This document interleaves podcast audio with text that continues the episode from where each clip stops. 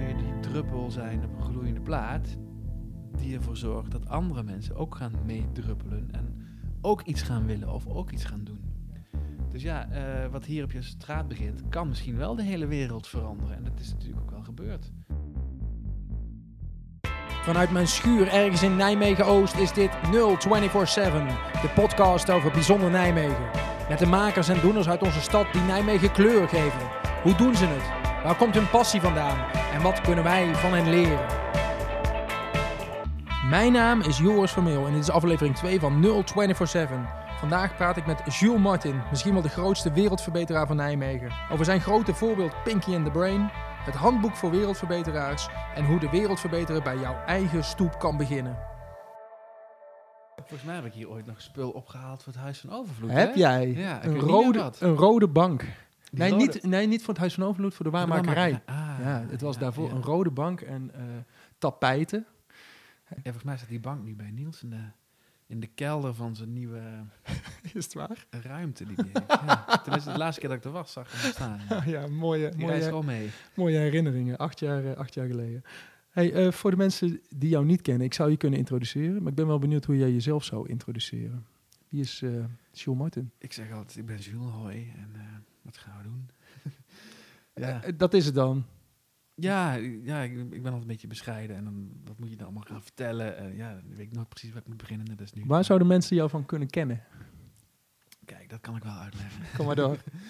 Ehm, het, het bekendste wat ik heb gedaan is, ik heb ooit een huis gebouwd van spullen die over waren, met mensen die wilden helpen, dus zonder budget, puur op basis van eh, enthousiasme, zeg maar. Nou, dat is gelukt. Het heet het Huis van Overvloed. Was af in 2013 en iedereen kent het omdat het toen eh, in de fik is gezet. Na anderhalve maand nadat het klaar was ongeveer. Twee weken voor de opening, weet je wel. Nou, dat, kijk, zo'n verhaal vergeet niemand. Dus eh, dat heeft zijn voordelen. Ondanks dat het ja, ja, eh, jammer was natuurlijk. Ik las ergens dat je de brandstichter terugkijkend misschien zelfs dankbaar was, omdat het juist meer impact heeft gehad daardoor. Dankbaar is een groot woord. Ehm, maar ja, kijk, door zo'n brand wordt wel heel bekend. En eh, weet je, kwam ik op tv, mocht erover vertellen en kon ik nog meer lezingen geven. En dus de, de, de- de bekendheid hielp het in het verspreiden van de boodschap van... nou, we hebben zoveel over, laten we daar eens slimmer en handiger mee omgaan met z'n allen. Dus Wa- Want dat is eigenlijk de gedeelde boodschap van al jouw projecten volgens mij. ja, tot, eh, tot twee jaar geleden was ik daar heel erg druk mee, inderdaad. Ehm, dus, weet je wel, dus dat hielp toen dat, dat bekender te maken. Ja, tot twee jaar geleden was je daar druk mee. Waar ben Ja. je nu druk mee dan? Nou, ik ben, ik, ik ben toen dus...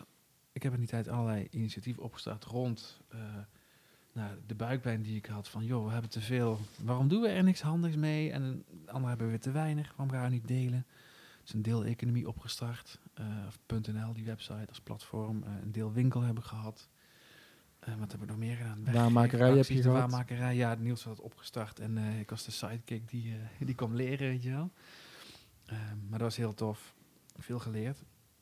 Maar wat ik merkte bij mezelf, zo vanaf twee jaar geleden ongeveer, dat voor mij was het, ehm, het begon een kunstje te worden. Als ik dat en dan aan doe, dan is de kans dat iets lukt, nou, groot. En tegelijkertijd wist ik, je moet wel eh, echt een- zo'n brandend verlangen hebben om iets toe te voegen aan de wereld. Een sparkle noem je dat Een volgens mij. sparkle, ja. Een sp- ja. Nee, echt een verlangen. Sparkles noem ik inspiratiebronnetjes tegenwoordig. Ja, het is een beetje Gaan we dadelijk nog over hebben. Ja. ja. En eh, nou, dat was ook wel minder rond dat thema, weet je wel. Ehm, en dan, is, dan begint zo'n worsteling van, ja, oké. Je zit in een comfortabele positie dat je kan doen wat je wilt. En dan mag je erover vertellen en dan word je er dan voor betaald. Je was een autoriteit op dat gebied. Ja, misschien ook wel. Hè. Zo word je dan gezien als de expert, weet je wel. Ehm, Ik zal je helpen. Je was de expert. Ja, nou, dankjewel. Ehm maar je zit in, in, in zo'n positie van je doet wat je wil, je kunt erover praten en daar, daar kun je dan van leven. Dat is, dat is luxe, weet je wel. Eh, maar toch klopt het niet meer. Toch moest het anders. En nou, ik wist niet wat en hoe en zo, weet je wel. Nou, onze jongste was toen geboren. Die had reflux. Die is nou twee of ouder. Dus de reflux betekent dat je je melk niet binnenhoudt. Ja. En dan eh, s s'nachts gaat schreeuwen. Slechte nachten. Ja, precies. Dus eh, nou, we hebben ook een jaar echt niet geslapen. En eh, nou, de- mijn hoofd deed niet meer. En nou, gelukkig hebben we ons gezin goed op de rails kunnen houden. En dat allemaal. En ja, niet echt iets fatsoenlijks kunnen doen qua dingen in de wereld zetten. En toen merkte ik van, ja, ik mis het eigenlijk niet zo. Dat als kapitein en voorop. En laten we maar met z'n allen... Tijd voor iets nieuws. Ja, het is als van, ah, hey, weet je, nou, ik kan dus zonder. Nou, wat dan wel? En, en natuurlijk wil ik nog steeds zorgen dat de wereld leuker, mooier en beter wordt. Alleen eh, hoeft het niet meer per se mijn smaak te zijn. Dus ik dacht, laat ik eens door gaan geven wat ik heb geleerd. En dat resulteerde in... pa, pa, pa, pa. Dat resulteerde in een boek, het Handboek voor Wereldverbeteraars, wat hier op je bank ligt. Precies. Waarom, waarom moest het er komen? Nou, ik ben eerst eens gewoon gaan op. eh, ik heb met Kim van der Water, die al nu mooi kan tekenen, illustreren, de- daar heb ik me laten interviewen en met tekeningen gemaakt van wat zit er dan in je hoofd. Mooi. Want ja, je weet veel meer dan je weet. En dingen die vanzelfsprekend zijn voor jezelf, die zijn voor anderen totaal nieuw, maar dat heb je dan geen idee van. Hè? Dus dat, dat is dus mee begonnen. En ik dacht, dus, laat eens dingen eruit halen. En op basis van die tekeningen ben ik gewoon eens gaan zitten. Even terug, dat was gewoon eigenlijk een moment dat je inlaste om, om, om, om, om jezelf leeg te laten lopen en iemand anders te laten beoordelen wat er in jou zat.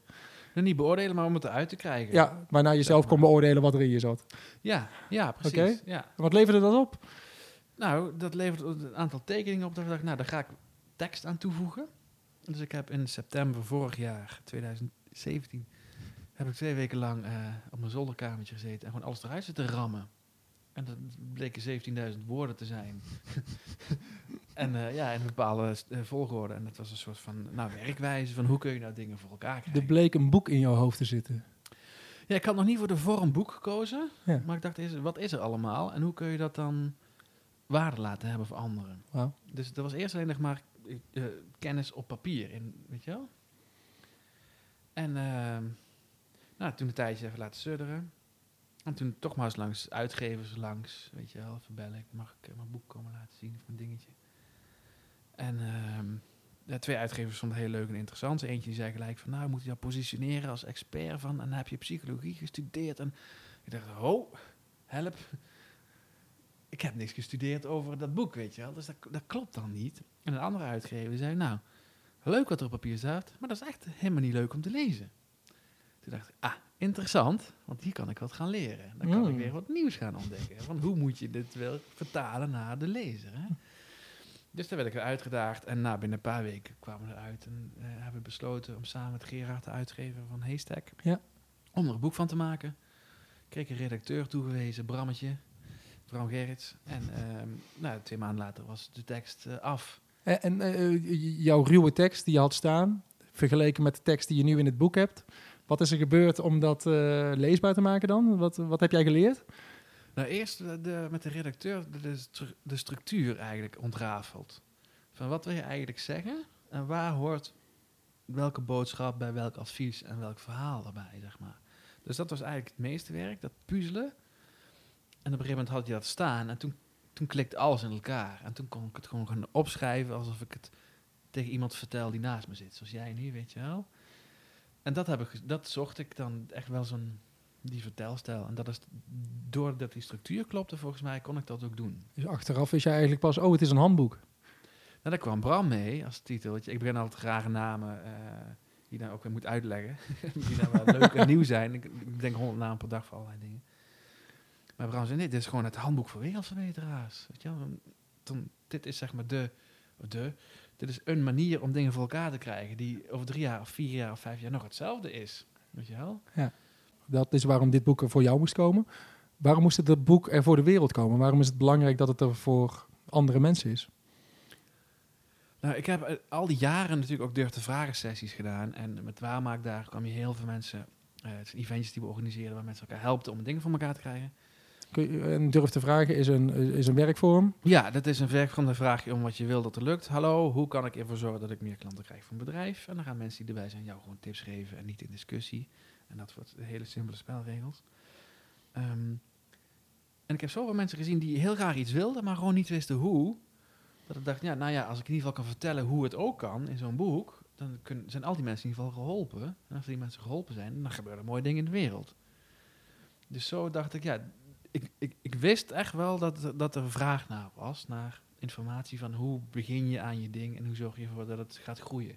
Ja. Zonder dat het meteen gericht is op omzet en business en sales en zo, maar gewoon een idee de wereld in, dat mensen zien en dat waardevol is voor anderen. Er zit ook veel in de hoofden van mensen, maar om dat om te zetten in de praktijk, daar heb jij dit boek eh, voor gemaakt. Ja, En dan, wat is een wereldverbeteraar eigenlijk voor jou? Want voor mij is dat een heel groot begrip. En dan denk ik, ja, Ja. wat is een wereldverbeteraar? Ja, ja goede vraag. Ehm, ja, ik, ik denk niet dat ik eh, de wijsheid in pacht heb om te oordelen of wat goed of slecht is of zo. Hè? Kijk, mijn normen zijn mijn normen en die van jou zijn weer anders. En daarmee niet slechter of beter, weet je wel. Maar doe eens een poging. Ja, ik denk als je, ehm, als je echt bij jezelf nagaat van wat zit er in mij, wat, wat ik aan de wereld wil laten zien, vanuit een bepaald verlangen. En ook omdat je iets wil veranderen, omdat je verdrietig wordt van dingen die je om je heen ziet gebeuren. Ja, als je vanuit die, die emotie kan vertalen naar een, een, een verandering, als je daar iets mee doet, dan wordt de wereld er al, er al beter van, weet je Ja, wel? dus dat kan al op een hele kleine schaal, kan ik me zo voorstellen. Ja, kijk, ik bedoel niet, het is niet een, je bent geen hele wereldverbeteraar, maar een stukje Ja. van de wereld verbeteren. En dat kan jouw straat zijn, of jouw stoep, of jouw, weet je wel. Handboek voor straatverbeteraars, stoepverbeteraars. Ja, dat klinkt dan net iets minder lekker, weet je wel. Heeft Ja. Bram goed uitgekozen. ja. ja, en tegelijkertijd ehm, heb ik met alle mensen met wie ik altijd samenwerk, daar heb ik natuurlijk ook geleerd van hoe kan een klein goed idee dat lokaal werkt, hoe kun je dat op andere plekken ook weer verspreiden. Dus hoe kan je, hoe kun je die druppel zijn op een gloeiende plaat, die ervoor zorgt dat andere mensen ook gaan meedruppelen en ook iets gaan willen of ook iets gaan doen. Ja. Dus ja, eh, wat hier op je straat begint, kan misschien wel de hele wereld veranderen. En Ja. dat is natuurlijk ook wel gebeurd. Dat is het begin. Ja, Wordt, iedereen, word je geboren als wereldverbeteraar? Is iedereen wereldverbeteraar? Kun je het worden? Dit zijn drie vragen, Jules, sorry. ja. Mag ik zeggen, kie- mag de makkelijkste kiezen, weet je. Ja, maar dan doe ik daarna die andere twee nog Ah, wel.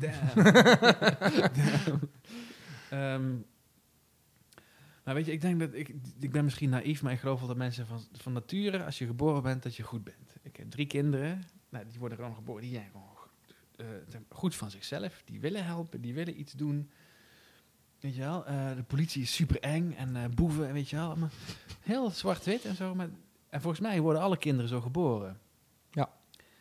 Ehm, nou ja, kijk, daarna heb je, eh, tegelijkertijd heb je natuurlijk karakterstructuren. Hè. Ik heb natuurlijk wel psychologie gestudeerd. Nou, de ene is vooral bezig met zichzelf. Andere mensen zijn vooral bezig met hun omgeving.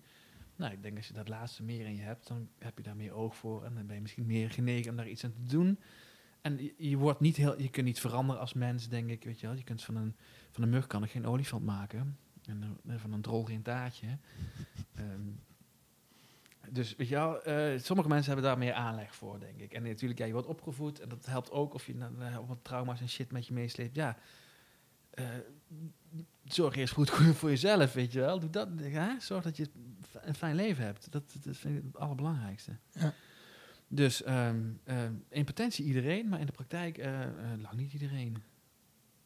Je kan het wel worden, denk ik. Of je kan het ontwikkelen. Of het zit misschien wel in je, maar om het dan om te zetten in daden, dat is, eh, dat is dan de volgende stap. Nou, weet je, ik denk dat het een keuze kan zijn.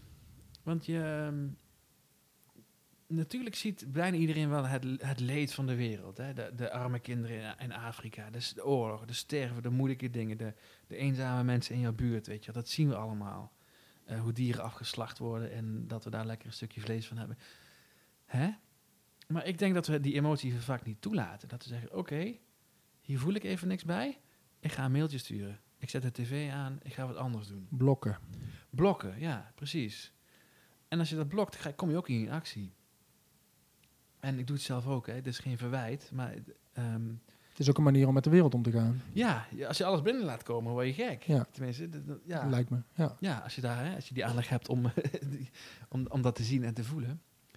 Ehm, dus dat is ook aan de hand. Weet je, wel. je heeft ook een comfortabel leven, je moet het ook leuk hebben. En moet wel een beetje eh, weekendjes weg met vrienden. En moet, weet je wel, de leuk en de fun speelt natuurlijk een hoofdrol in deze tijden. Ja. ja prima, leuk en fun, ja, dat is goed. Alleen dan, dan heb je niet die ruimte om iets te voelen waardoor je misschien wel op een andere manier in actie komt. Ja, want wa- waarom zouden andere mensen, waarom zouden mensen in actie moeten komen? Wa- Wat worden ze daar beter van? Nou, moet het niet. Eh, Voor mij moet het niet, weet je. Ehm, ik kan alleen over mezelf eh, vertellen, maar ik vind het... Het, is, het zijn prachtige avonturen die je beleeft. Kijk, je kunt gewoon aansluiten bij wat er is. Hè. Eh, we gaan de straat vegen en prikken met z'n allen. Doe je gewoon lekker mee.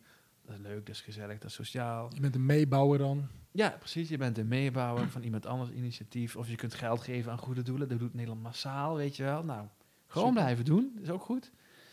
Maar de, voor mij zit het avontuur erin dat er, als je ziet dat er een oplossing nog niet is of zo. En dat je zelf gaat bedenken en creëren. En dat hele gepuzzel en gestoei en de hulp erbij charteren. Je bent zo twee jaar verder en heb je een reis gemaakt. Dat is geweldig.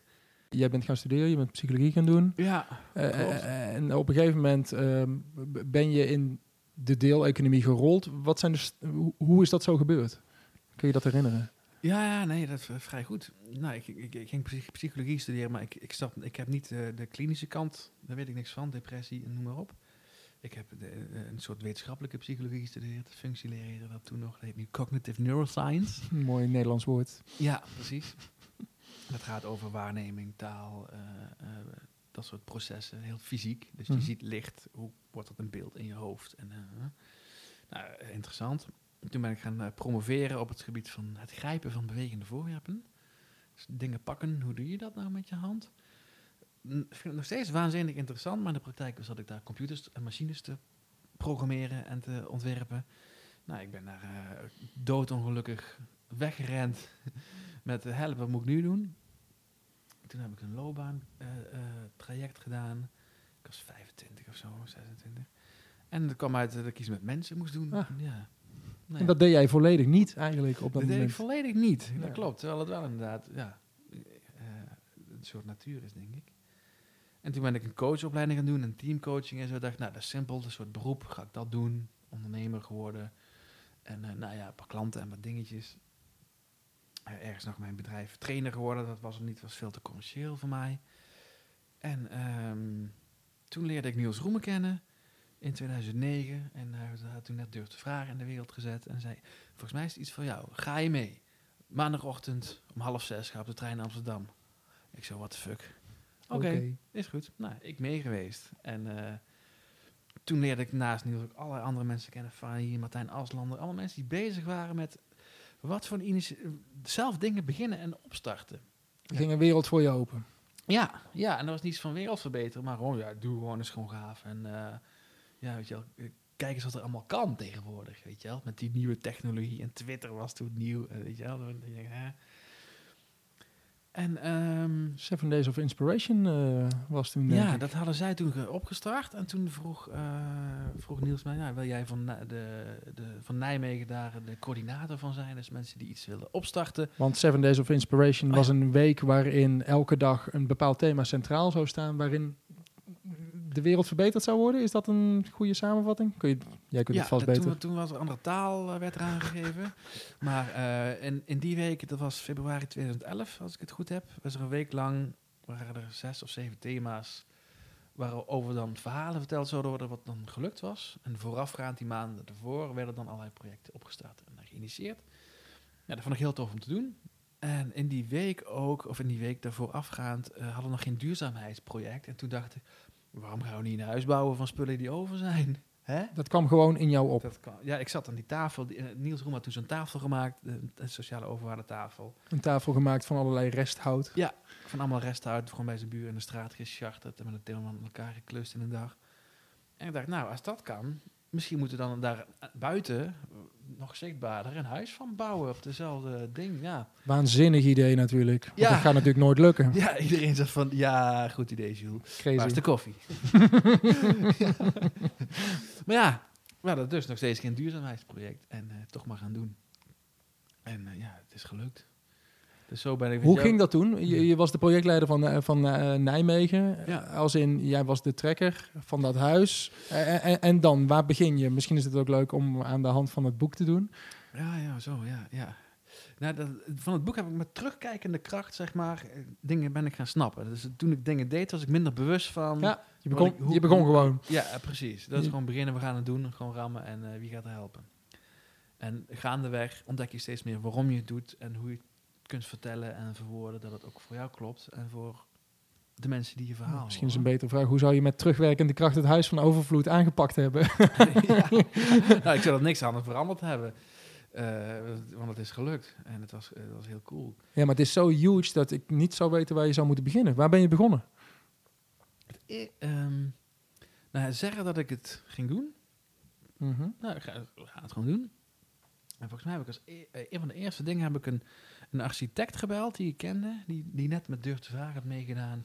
Die, een beetje, die was net verhuisd naar Nijmegen, die een beetje zoekende was naar, nou, wat kun je helemaal doen als architect. Ik had hem gebeld, ik zei, nou, ik wil eens een huis bouwen van spullen die over zijn. En eh, wil je daar een tekeningetje bij maken? Hij zo, ja, is goed. Dus een week later had ik een plaatje van een huis in mijn inbox. En hij had al nagedacht over hoe je dat dan kon bouwen. Welke spullen je daarvoor nodig wat had? voor soort spullen, wat voor soort dingen. Basismateriaal? Ba- ja, hout, Pallets. pallets, eh 40.000 schroeven. Dus er ontstond al een verlanglijstje. En eh, nou, met dat plaatje en het verlanglijstje nou, het werd een website. Ehm, en toen ehm, zijn we eh, via... Een, er zat een vrouw uit de politiek, die kwam ook soms langs bij de PvdA. Ik kan de naam even niet bedenken. Maar die had een afspraak geregeld bij de wethouder. Jan van der Meer toen, die was Ja. wethouder duurzaam en bouwen. En eh, die was nogal van de groene linkse dingen. Dus weet je wel, we hadden we al een streepje voor waarschijnlijk. En dan mochten we al langs. En eh, nou, we lieten het plaatje zien. We zeiden, nee, dat gaan we gewoon doen. Een beetje stoer, naïef, cowboys. Dit gaat toch wel gebeuren. En ja, jij kunt kiezen dat het in jouw gemeente gaat ko- komen. Een beetje zo. Een beetje bluffen. ja, niet blu- ja, ja, misschien ook wel. Niks mis met bluffen af en toe. Ja, ja. En, ehm, en we vroegen hem dus om een stukje grond. Precies. Want ja, de grond nodig om te bouwen. Ja, wisten wij veel. En eh, nou, hij hoorde ons aan en eh, kwartier, eh, binnen een kwartier zeiden ja, is goed. Zij belt wat ambtenaren op, die kwamen langs met kaart. En we stonden gewoon voorover gebogen aan zo'n grote tafel als veldmaarschalken te kijken naar zo'n kaart van Nijmegen. Van nou, daar is een stukje, daar is een stukje. En je zette ergens een kruisje. We zetten ergens een kruisje en het werd een totaal andere plek. Oh ja? ja. Nee, ze gingen toen later kijken naar bestemmingsplannen en wat allemaal mocht en kon. En toen kwam er een hele mooie plek uit. En de Net aan de andere kant van de Waal. andere kant van de Waal. Waar ja. nu de Spiegelwaal aangebouwd is. Ja, het, eh, ja, ja, precies. Als het had bestaan, was het gewoon mooi op het eiland geweest. En dan had je daar, eh, had daar nu koffie kunnen drinken, zeg maar. Maar dan heb je een plek. Dan en je hebt een tekening. Heb je een plek, heb je een tekening, dan ga je dat heel hard vertellen. Ja? Dus dat je een stukje rond hebt, hè, de lawaai maken, social media, de pers erbij halen. En ja, spullen regelen van het verlanglijstje met mensen die willen helpen. Wou net zeggen, mensen regelen. Want tot, tot, Ja. tot dan toe was je nog alleen. Mensen Ja. haken aan. Hoe, hoe gaat zoiets? Hoe haak je mensen aan? Want dat lijkt me ook wel een, een, een uitdaging. Alleen Ja. is maar alleen. Klopt. Alleen is maar alleen. Ehm nou, wat we toen gedaan hebben, is kort nadat we dat, eh, nadat we de jaren van de, van de gemeente, dat stukje grond, toen hebben, we- kwam er een stukje in de krant over. Nou, dan komt een stukje grond en ze gaan een huis bouwen. En toen hadden we een, een, een, een bijeenkomst georganiseerd in die waarmakerij hier. Woensdagavond geloof ik om zeven uur, kom langs en dan eh, kun je informatie krijgen over dat project. En dat stond in de krant, hadden afgesproken met de krant, dat dat, dat erin zit. Hoeveel man kwam er? Er kwamen 70 man. Alsjeblieft. Ja, Ze hadden een snaar geraakt. ja, ja. Waar- waarom denk je dat mensen mee willen doen? Ik denk de waanzinnigheid van het idee. ik moet daarbij zijn. ja, ik moet daarbij zijn dat. En, en, en ehm, toen gebeurde er nog niet zoveel, denk ik, in het hele initiatievenvlak. Of tenminste niet zo zichtbaar als nu. Kijk, nu is de gemeente een website waar je initiatief kan indienen en een platform en podium en crowdsourcing is het normaalste ding van de wereld. Ja. Toen had je dat niet. Iedereen leest, las gewoon de brug die in de brievenbus kwam op papier en daar stond je dan in, hè. Ehm, dus er kwamen allemaal mensen. En wat we toen gedaan hebben is, joh, we gaan dit huis bouwen. Eh, vertel ons maar hoe dat moet. dus op soort van durven vragen is. En al die mensen gingen tips geven.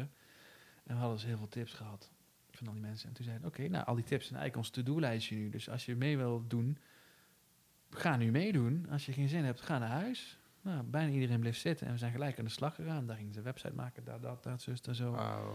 Ja, Ik kan me voorstellen dat dat ook een moment is dat je denkt, wauw, wat, ge- wat, wat gebeurt hier? Een jaar daarvoor zat jij nog in je, in, in- in je functie leren onderzoek eh, ding, denk ik. Of twee jaar daarvoor, weet ik veel. ja, niet lang daarvoor. Ongelukkig te inderdaad, wezen. ja. En dan zo'n eh, dingen. Ja. Ja, ja, dat was vet. Dat was, dat was echt mooi. Maar ook totale puinhoop hoe dat dan gaat. En dan, ja, maar laat het gebeuren. Achteraf kun je altijd wel eh, vegen, weet je wel. Allemaal, eh. Was je, was je vanaf het begin al de kapitein op het, op het schip? Of, of heb je dat moeten, jezelf voor moeten nemen? Of, Ja, wel bij het Huis van Overvloed, ja. dat was je vanaf het begin al? Ja, Dat lijkt me ook nogal wat. Dat je opeens een, Ja. een trekker bent. ja klopt. Ging dat Maar natuurlijk? Of. Ja, je hebt natuurlijk wel als, als initiator heb je altijd de, de, de, de morele autoriteit, zeg maar. Dus wat je zegt heeft meer gewicht. eh, Mensen willen meer van je. Dus dat is wel fijn. Dat helpt. Ja, maar dan, je moet daar besef voor hebben om daar ook daadwerkelijk mee dat om te zetten in daden, kan ik me zo voorstellen. Ja, ja, precies. Daar moet je wel bewust van zijn, want dan kun je daar ook mee spelen en daarmee kiezen. En toen had ik dat, wist ik dat nog niet. Totdat mensen die meededen op een gegeven moment zeiden van... Ja, hey, Jules, zeg nou eens duidelijker wat je wil en wat er moet gebeuren. Je werd aangewezen als leider. Jij bent de leider, toch? Ja, hallo leider, leid eens. weet je wel? Ik zei, ah, is je wel, nou, ik ben de leider. 30 of zo, weet ik het, 29. Ja. Doe eens even leiden. Zeg, weet je wel, vertel me wat ik moet doen. Ik zei, ah, oké, hebben jullie het allemaal? Want we zaten met z'n tienen iedere week. Ja. ja, dat hebben we allemaal. Zeg het maar gewoon. Komt goed. Ik zei, oké, nou. Je pakt die rol. Toen pakte ik mijn rol, maar ook gelijk afgesproken, nou, zullen we dan allemaal afspreken dat we het willen leren en weet je wel, als het mislukt, dat we dan samen om nieuwe dingen gaan proberen. En dat was een goede zet, want dat vond iedereen dan toch ook wel fijn. En toen zijn we hebben ons toegestaan het te mogen ontdekken en te doen. En dat was tof. Maar, maar je zegt er wel iets, hè? Ik, ik, las het wel vaker, mislukkingen versus lukkingen. Je hebt benoemd dat mensen fouten mogen maken. Is dat een drempel voor mensen om, om niet aan dingen te beginnen? Of? Ja, ja, voor veel mensen, niet voor iedereen, maar voor veel mensen die willen dat het meteen goed, meteen af, meteen perfect is. Ja. Omdat ze andermans oordeel vrezen, of hun eigen oordeel vrezen, of wat dan ook. Hè? Terwijl ik denk, als je, als je van, van jezelf fouten mag maken, en je met jezelf afspreekt dat je ervan mag leren, dan kun je nu beginnen. Weet je wel, dan kun je van, dan kun je van gewoon die pen, dat kan versie 1 zijn van jouw elektrische auto hey, ik heb een elektrische auto gemaakt. Oké, nou. Hij kan al aan en uit. Dat is goed. Weet je wel? Nou, wat, moet, wat mist deze pen nog om een elektrische auto te worden? Zeg het maar, Joris. Vier wielen. Vier wielen. Of nou, misschien drie, dat kan zullen ook. we wielen regelen? Weet je wel? Dat. Dus zo kun je van die pen uiteindelijk een auto maken. Ja, waarmee je eigenlijk ook... zit te sikkeneuren dat die nou, nou nog niet goed is. Nee, want hij mist nog, hij heeft nog niet eens wielen. Hij heeft nog niet eens wielen. Nee, klopt. Hij heeft helemaal niks. En hij is geel. Nee, kan dat niet. ik weet niet, ja.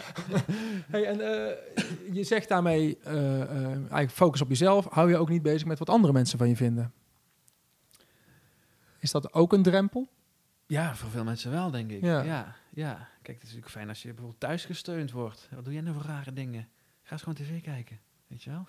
Ja. Ga eens gewoon, uh, doe het normaal. Ja. Weet je wel? Ga eens gewoon een hobby hebben, weet je wel? Ja. Het is een rare dingen. Maar heb je daar zelf ook moeite mee gehad? Want ik kan me voorstellen, dit, dit is een bijzonder vaag beroep tussen aanhalingstekens. Ja, mevrouw. Hoe verdien je geld? Nee, precies. Ja, maar waar verdien je dan je geld mee? Ja, nou ja, geef eens antwoord op die vraag. Hoe verdien je je geld? Want dat is wel wat je wereldverbeteraar, hoe verdien je er je centen mee? Ja, nee, klopt. Nou, in die tijd gaf ik, uh, gaf ik heel veel lezingen en zo en durfde vragen workshops. En nu verdien ik niet zo heel veel, want alles is nieuw en anders voor mij. Uh want ik ben dus gestopt met zelfinitiatieven. Ik ben in principe gestopt met vertellen over die initiatieven. En nu leer ik anderen hoe dat moet. En daar heb ik de School voor Wereldverbeteraars opgericht als label, een soort bedrijfsnaam. Waaronder wij mensen trainen en coachen die iets tofs nieuws voor elkaar willen krijgen. En dat is het nieuwe verdienmodel. Dus ik ben niet meer. Ik, ik, ik gaf toevallig vorige week een lezing. Ja. Het is niet meer wat ik nastreef, die autonomie van handelen en lezingen geven. Maar nu wil ik gewoon anderen helpen en ervoor zorgen dat ik betaald word voor wat ik doe. Het is een andere, ander concept, zeg maar. Ja, een meer gangbaar concept. Ik ben te huur. Precies, ja. ja. En het gaat niet om jou als autoriteit, maar eigenlijk om ervoor te zorgen dat andere mensen autonoom dingen gaan ondernemen. Dus je bent een middel geworden en niet het einddoel. Precies. Ik zeg niet wat anderen hoe we de wereld moeten verbeteren, welk initiatief we gaan doen, maar anderen die iets willen, die help ik in het bereiken van wat zij willen. Ja, School voor Wereldverbeteraars en het Handboek voor Wereldverbeteraars gaan natuurlijk hand in hand, kan ik me zo voorstellen. Wat voor initiatieven komen er bij de School voor Wereldverbeteraars naar voren? Heb je daar voorbeelden van al? Ja, we zijn nu, uh, is de bouwmaand gestart, Bouw aan je droom. Ja. Die is uh, een paar weken geleden begonnen. We hebben een groepje van tien mensen die komen hun eigen droom in de wereld zetten. En die betalen daarvoor en dat is dus je businessmodel. Ja, ja, precies. En tegelijk, weet je wel, ga ik voor uh, Rijkswaterstaat, komt de innovatie plein in dat gebouw. En daar gaan we mensen leren, nou, hoe kun je nou iets nieuws in de wereld zetten. Ja. Los van hoe een snelweg in elkaar zit, maar alles mag daar. Zeer cool. Maar in die bouwmaat zitten echt allerlei mensen die, waarbij iets sluimert.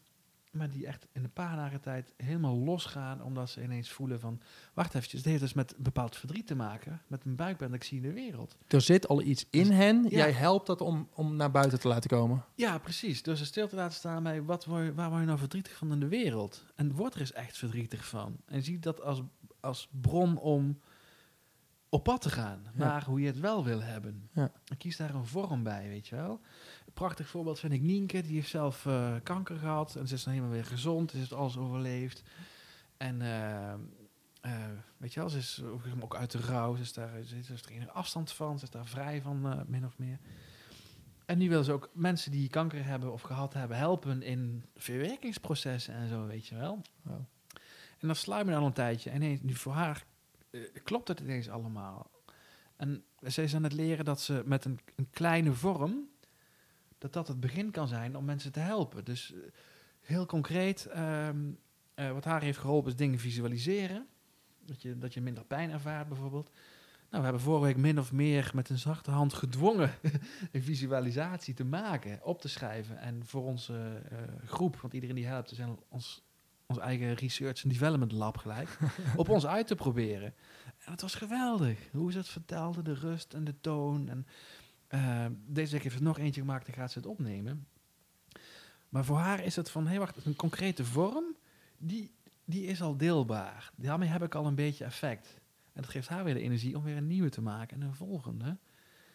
En ook te onderzoeken welke vormen zijn er nog meer. Misschien kan ze bijeenkomsten gaan organiseren met, met lotgenoten en daar oefeningen mee gaan doen en dat soort dingen. Wauw. Maar het is prachtig om bij te zijn. Ja. Om iemand te zien ontluiken is het eigenlijk. Om, Ja, precies. Die dop gaat eraf en dan eh, boem, ontploft alle kanten op. En om daar een beetje richting en structuur bij te helpen geven. dus eigenlijk zoeken naar wie ben ik nou eigenlijk en wat wil ik nou eigenlijk. Ja, eh, hoe, ja dat, de, de, de, de, beginvraag die je krijgt is hoe, eh, gaat over hoe kun je wat je doet kloppend maken met wat je wilt. Je hebt het in je boek over oplaadpunten. Ja. Buikpijn, verlangen, sparkels, eigen plezier. Dat zijn Ja. eigenlijk beginpunten van waaruit je iets kunt laten, kunt laten ontstaan. Ja. Buikpijn, je Ja. ziet iets gebeuren en ik moet er wat aan doen. Ja. Heb je daar een voorbeeld van? Ja, ja, ja. ehm, Je hondenpoep magneetboom, eh, Jules, dat is een soort buikpijn. eh, ja, dat is een andere, ja. Ja, nou, zo erg vond ik het ook weer niet dat ik, ja...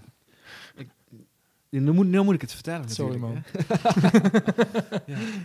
Ehm, nee, toen ik, ik woonde nog in de stad en eh we hadden last van heel veel hondenpoep in de straat. En eh, ik dacht, laat ik daar wel eens wat aan doen. En dan kun je heel boos worden en mensen met pek en veren besmeuren. En Rode bordjes, geen hondenpoep hier. Ja, dat soort dingen. Nou, misschien werkt het of niet, weet ik niet. Maar ik dacht, laat ik eens gewoon het gedrag dat ik wil zien belonen. En eh, samen met mijn vrouw, en die kan wel tekenen, hebben we een bordje gemaakt. eh eh, wat stond er ook alweer op? Oh ja, er zaten daar honden, gewoon zakjes aan, vastgemaakt en snoepjes. En er stond, wat stond er ook weer op? Iets met... Een snoepje voor je ja, poepje of ja, zo was het ruime, de ruime, ja. Neem een zakje voor het poepje en als dank een snoepje. Dat, nou, Mooi om eh, op de dag van Sinterklaas dit soort schitterende rijmelarijen eh, te Ja. Leuk. Ja. En dat Eh, werkte, want eh, alle, snoep, alle snoepjes waren weg na Ja, een, de zakjes niet, maar de snoepjes wel. En ik denk dat, dat het, nou, weet je wel, het is, ja, je probeert dingen wel positief te benaderen. Dat was, eh, daar hou ik wel van. Ik denk dat, er met, dat mensen die een hond hadden dachten, oh, wacht even, inderdaad, wacht, het is misschien niet zo smerig. En mensen gaan mij niet haten. Ik ga mee, een beetje mee met wat die mensen van mij vragen. Ja, Nou, dat was, dat was leuk, maar dat was meer een irritatietje, die hondenpoep. heel klein, beginnend buikpijntje dan. Ja, nou ja, ja, ja precies. Maar niet, niet zo groot dat ik de, de hele wereld eh, rond ben gaan reizen om die bordjes te verspreiden, bijvoorbeeld. Nee. Maar ehm, nee, wat je net noemt, dat is achteraf gezien, denk ik, nou, het is gewoon een modelletje. Er zijn natuurlijk heel veel andere modelletjes. Maar als je kan zien aan de wereld waar je verdrietig van wordt, en je op datzelfde kan, een verlangen kan hebben van hoe het anders zou kunnen zijn, dan heb je een soort weg van begin naar einde. Kun je je voorstellen. Dus ehm, als jij bijvoorbeeld ehm, nou, het, het, ehm, het consumeren van dieren, van andere dieren, wij zijn ook dieren, eh, eh, als je daar verdrietig van wordt, en je kunt je voorstellen dat het, hoe het anders zou zijn, Ik kan bijvoorbeeld voorstellen... ik vind het een hele moeilijke. Want ja, ik word verdrietig van eh, nou, hoe we met dieren omgaan in de bio-industrie. Ik vind het lekker. Ik eet soms nog vlees, moet ik eerlijk zeggen. Ehm, ik, kan, ik heb geen antwoord op de vraag... waarom mag ik een varken eten en een varken mij niet? Ja, omdat we hoger in de keten zouden staan. Ja, maar dat is, een, dat dat, dan? is een geloof. die keten, ja. dat, dat, is, dat is niet waar, dat is een geloof. Kijk, een Mhm. varken gaat me echt wel opeten als hij honger heeft en ik lig te creperen ergens en ik niet weg kan rennen. Die eet me echt wel op. Ehm, en waarom zou dat niet mogen? Mhm. En ik wel. Hè? De- vooral dat. Maar ik kan er moeilijk iets bij verlangen. Want als je weet dat er 17 miljard dieren, consumptiedieren nu zijn... en dat dat qua kilo's meer is dan alle wilde dieren die nog over zijn... dan vind ik dat best wel shocking. Maar het enige verlangen dat ik erbij kan hebben... is dat die, al die consumptiedieren niet bestaan. Een goed leven is niet goed leven. Die wordt kapot gesneden tot speklap.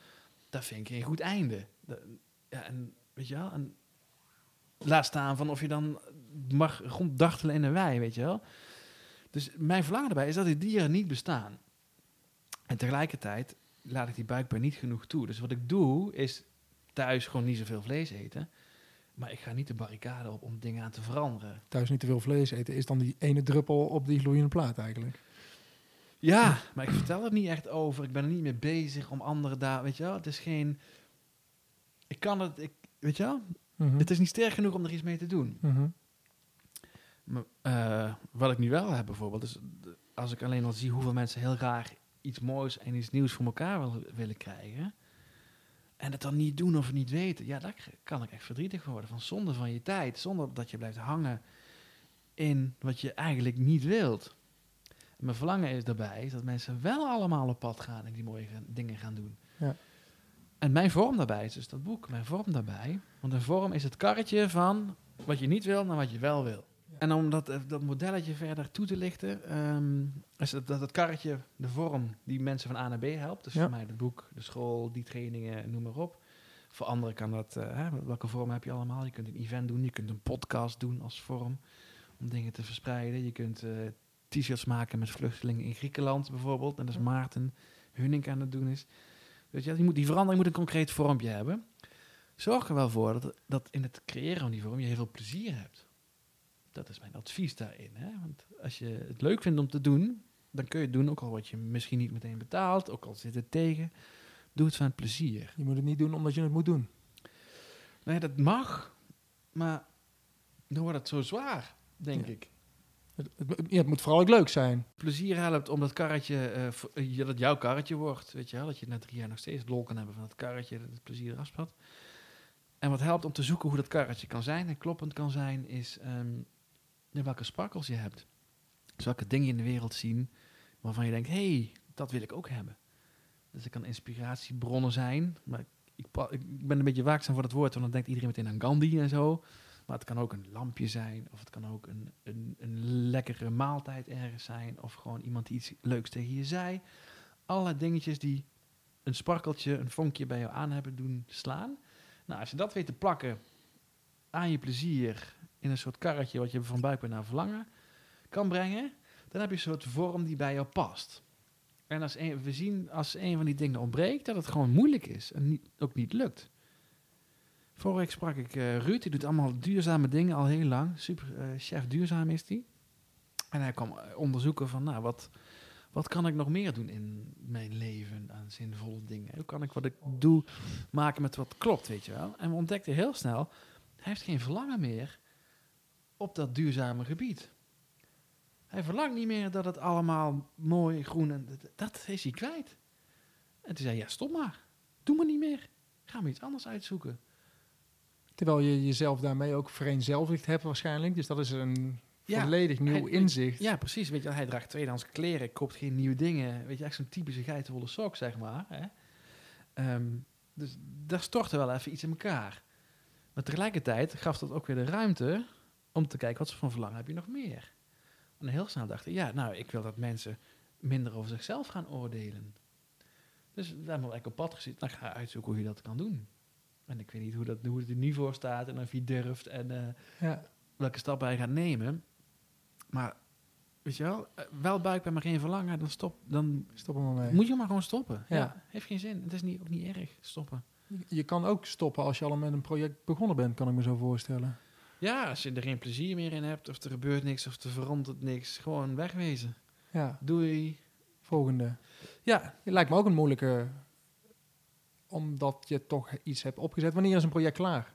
ja. Het project is klaar wanneer jij er klaar mee bent, hoor ik je eigenlijk zeggen. Ja, ik, ja, het ja, volgens mij kun je kiezen wanneer iets gelukt is of niet, of af is of niet, of goed genoeg is of niet. Ja, of niet goed genoeg gaat worden. eh, Ja. En jij er niet voldoende energie meer uithaalt, dan, dan is het ook goed, toch? Ja, voor mij wel, weet je wel. Ja. jij oordeelt niet. Eh, dat probeer ik in ieder geval. Eh, daarover niet. Ehm, ja, het is wel een soort keuze of zo. Tenminste, laat het, laat het voor jezelf een keuze zijn. Ja. En dat is ook niet altijd makkelijk. Maar laat het een keuze zijn of, eh, of het klaar is of niet. En dan, dan, kun je pas echt kiezen hoe je, hoe je ermee verder gaat. Want als je maar doormoddert, dan kun je die keuze niet maken. Nee. Want je kunt dan zeggen, ik stop er helemaal mee. Of ik kijk wat ik heb geleerd. Ik ga het overdragen, dat is iets anders. Of ik ga er een bedrijf van maken. Of, weet je wel? Dus plaats jezelf in die positie dat je een keus kan maken over wat je gedaan hebt. Ja. In je boek komt eh, Pinky and the Brain naar voren. ja, Ik Klopt. kende het niet, maar Nee. eigenlijk is het een, eh, een groot voorbeeld voor je. Pinky in the Brain, ja. Een rat. Nee, is het een rat? En ja, een laboratoriumrat. Dit is een tekenfilmserie uit de jaren 90, 90, gok ik. Ja, dat ik eh, s ochtends in mijn pyjama Telekids keek of zoiets. Pinky in the Brain, ja. En eh, de Brain was dan de laboratoriumrat. Die, die was dusdanig gemanipuleerd die enorme hersenen had. En eh, echt heel slim was en eh, voor alles een oplossing wist. En Pinky was de, de domme, mislukte laboratoriumrat die alles verprutste steeds.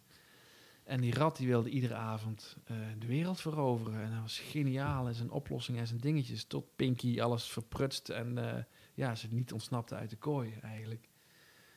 En ehm, ik heb er nooit meer aan teruggedacht tot ik dat boek schreef. En dacht, ja inderdaad, ja, waarom vond ik dat toen zo leuk? Waarom komt dat nu terug? Ja, blijkbaar is dat dus een voorteken uit je jeugd Ja, geweest. denk het, ja. dat je Kijk, daar zo door in- geïntegreerd was. Je geheugen is niet betrouwbaar. Hè? Dus achteraf vul je toch alles al Zeker. in hoe het je uitkomt. Hè? Dus Ja. dat weet ik dan ook wel weer.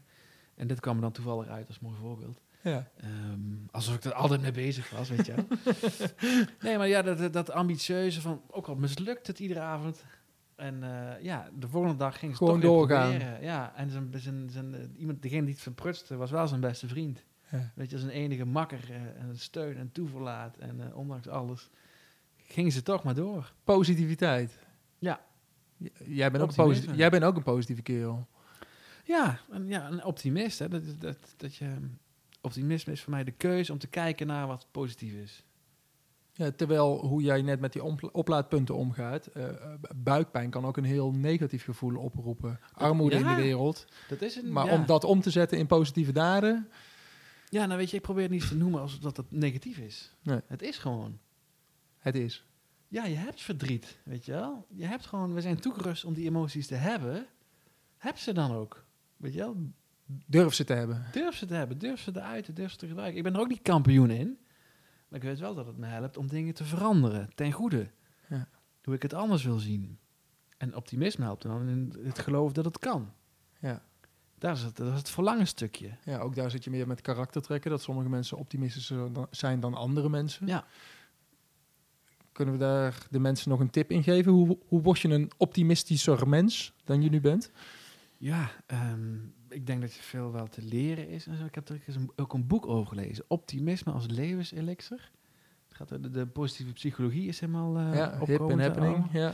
Ja, dus daar kun je eens naar kijken. Maar ehm, wat Mark Verhees, dat is een soort positiviteits... eh, Voor figuur, positiviteit, weet ja. ik het, voor positiviteit. Echt miljoenen, weet ik veel, volgers op eh, alle bla bla bla. Dus, Nijmegenaar ook, hè? Nijmegenaar ook. Ik heb, ik heb hem ook geïnterviewd voor het boek. En hij zegt, het is eigenlijk gewoon heel simpel. Je moet er gewoon mee bezig gaan. Dus als je wil leren beter te kijken naar wat er goed is, ga dan s'avonds 10 minuten zitten en schrijf op wat er goed was aan jouw dag. Iedere dag, iedere dag, iedere dag. Gewoon jezelf conditioneren dat te doen. Het is een mindset. Totdat je s'avonds niet meer lukt omdat je het overdag al hebt gezien. Ja. Zoiets, weet Ja, je wel. Grappig. En eh, nou goed, ik vertrouw hem erop. Hij, heeft al die, hij verslindt al die boeken. Hij is er helemaal mee bezig. Dus ik denk, ja, dat zal het wel kloppen. Ehm, maar zo zou het kunnen, volgens Mark. Wat wil je worden als je later groot bent? Ehm, tja, ik ben al groot, denk ik. Maar Ah, je wordt nog veel groter. Heb je nog plannen voor de nou, toekomst? Heb je die nou al? Of? ja, nu vind ik het heel leuk om echt... eh, voor mij klopt die rol weer. Kijk, eerst klopt het niet hè, eh, als, als kapitein. Nu klopt die rol weer als mentor om mensen te leren hoe je je dingen voor elkaar krijgt. Dus daar heb ik nu heel veel plezier in. Ik heb plezier in het onderzoeken hoe je dat, ehm, nou, hoe je dit soort dingen eh, ook verkoopt. Hoe je daar, weet je wel, nou, voor welke mensen en organisaties is het waardevol? Daar ben ik heel nieuwsgierig naar. En hoe ik dat dan vertaal in, eh, in vormen die voor hun werken. Stiekem heb ik voor mij de plek gecreëerd waar ik allerlei, waar ik betrokken kan zijn bij het creëren van heel veel vormen. Zowel in hoe wij mensen dingen leren, maar ook als mensen iets roepen over dat ze mensen willen helpen met kanker, dan kan ik tips geven. Nou, probeer die vorm of probeer die vorm. Weet je Ja. wel? Dat vind ik leuk, dat, Ja. dat, dat, dat snelle creatiestukje. Dus ik hoop dat, dat het de komende jaren eh, te kunnen doen. Met, we zijn met een team van acht. Ik hoop dat, eh, ja, dat, dat iedereen daar ook eh, daar mooi werk aan kan krijgen en houden. En maar zien hoe het zich ontwikkelt. En dan blijf jij jezelf afvragen, hey, voelt dit nog goed? En voelt het goed, dan ga je door. Voel je die sparkle nog, dan ga je door. Maar dan kan er een moment komen dat je weer zegt, hey, er klopt iets niet. En dan, Ja, nou, ik zit me niet heel bewust af te vragen of het klopt of niet. Weet je, dan nu weet ik dat het klopt en zo. En dan ga je gewoon een tijdje doorakkeren. En wa- waarschijnlijk heb ik het, als het niet klopt, ook eerst niet door. En dan moet ik me eerst mijn hoofd stoten en me... je bent net een normaal mens. voelen. Ja, net, net alsof, ja. Hey, op de eh, laatste pagina van je boek vind ik mooi. Eh, richt je tot de lezer. Eh, ik ga even citeren. Ik vond het heerlijk om een enthousiast, welwillend, creatief en bouwend mens zoals jij in te beelden om aan te vertellen wat je zoal te wachten staat als je de wereld gaat verbeteren. Zo fijn om te weten en te voelen dat er zoveel mensen zijn zoals jij. Ik vond dit een mooi moment om te zeggen. Ik vind het ook heel fijn om te weten dat er mensen zijn zoals jij. Die hun kennis eh, delen en ja, de wereld tot een nog betere plek maken. Beginnend in Nijmegen. Ja, Ik wil je bedanken voor een mooi gesprek. Maar jij ook met je podcast. Ja, eh, Dankjewel. Uh, wat je zegt eigen, bij eigen, jezelf. wat je zegt bij jezelf. Hebben we het over dingen niet gehad waar je het wel over met mijn dag te kan hebben? Ik heb genoeg geluid gemaakt voor vandaag, denk ik. ja, dankjewel. Fijne Sinterklaas. Ja, jij een fijne verjaardag. Zo, dat was hem dan. De tweede aflevering van 0247 met veel dank aan Jules Martin. Wil je meer? Abonneer je dan op 0247 via jouw favoriete podcast app. Laat daar een review achter of ga naar 0247.nl ook om me te tippen over wie ik nog meer moet eh, interviewen. Dit was Joris Vermeel van 0247. Doei!